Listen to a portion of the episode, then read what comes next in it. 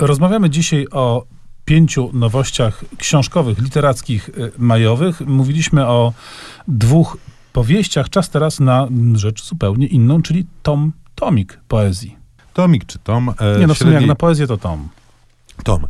Mm, Tomasz Różycki. Ja miałem przyjemność, e, i to podkreślam, e, przyjemność, a nawet wielką przyjemność, wrócić do Tomasza Różyckiego jesienią zeszłego roku. Przeczytałem sobie wiersze zebrane, przeczytałem sobie też tomiki, które leżały mi na półce. Była to ogromna e, przyjemność i tym bardziej czekałem na kolejne wiersze, już wtedy przez autora zapowiadane. Różycki jest poetą, którego się czyta z przyjemnością, niezależnie od tego, czy się czyta wiersze, czy nie. Więc tu rzeczywiście antypoetycko nastawionych słuchaczy namawiam po e, sięgnięcie po tom pod tytułem Kapitan X. To była aluzja do mnie, tak? Przede wszystkim.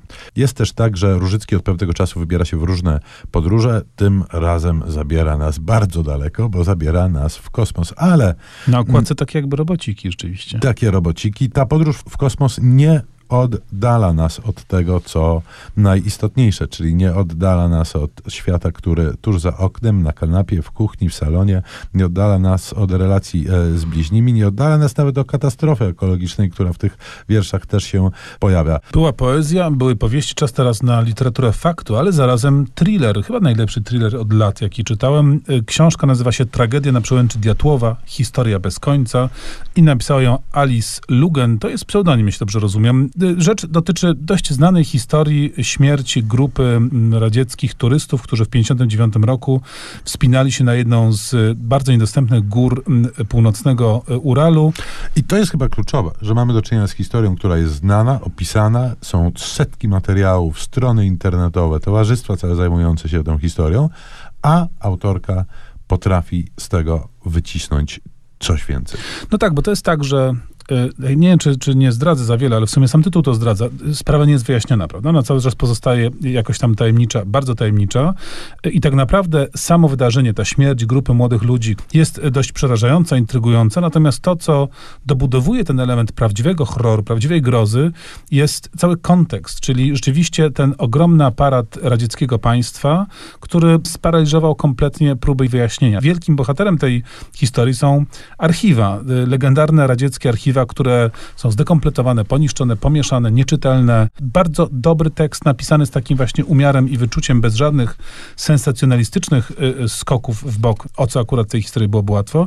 Naprawdę świetna rzecz. I po tym sensacyjnym reportażu przejdźmy do reportażu, o ile to jeszcze jest reportaż kompletnie pozbawionego jakiejkolwiek e, sensacji. Piotr Marecki, Polska Przydrożna, to tam napisany i sfotografowany przez e, wydawcę, przez teoretyka e, literatury, który wybrał się w podróż po Polsce. Dwutygodniową podróż bez GPS-a jeździł bocznymi e, drogami przez e, nikomu nieznane wioski i miasteczka, to znaczy nikomu nieznane, znane nam wszystkim świetnie, jak e, poruszamy się po Polsce B i C.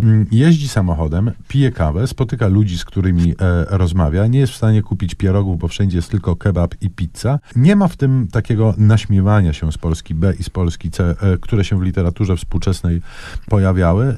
No, naśmiewania żadnego demonizowania też jest czy dużo. demonizowania. Nie ma e, żadnego e, komentarza od autorskiego tak naprawdę. To jest taki jeden do jeden zapis jego podróży. Myślę sobie, że to jest książka, o którą można się dość intensywnie pokłócić, ale ponad wszelką wątpliwość jest to jakiś tam obraz Polski, o której niekoniecznie i niecodziennie możemy wiedzieć. To było naszych pięć propozycji mm, książkowych nowości majowych. I jako, że kosmos się pojawił, to kosmicznie, muzycznie to Na cześć kapitana X. Tujmy tak. na cześć kapitana X, posłuchajmy Space Oddity Davida Bowiego, ale nie tej klasycznej wersji, tylko nowej aranżacji Ramina Javadiego z trzeciego sezonu serialu Westworld.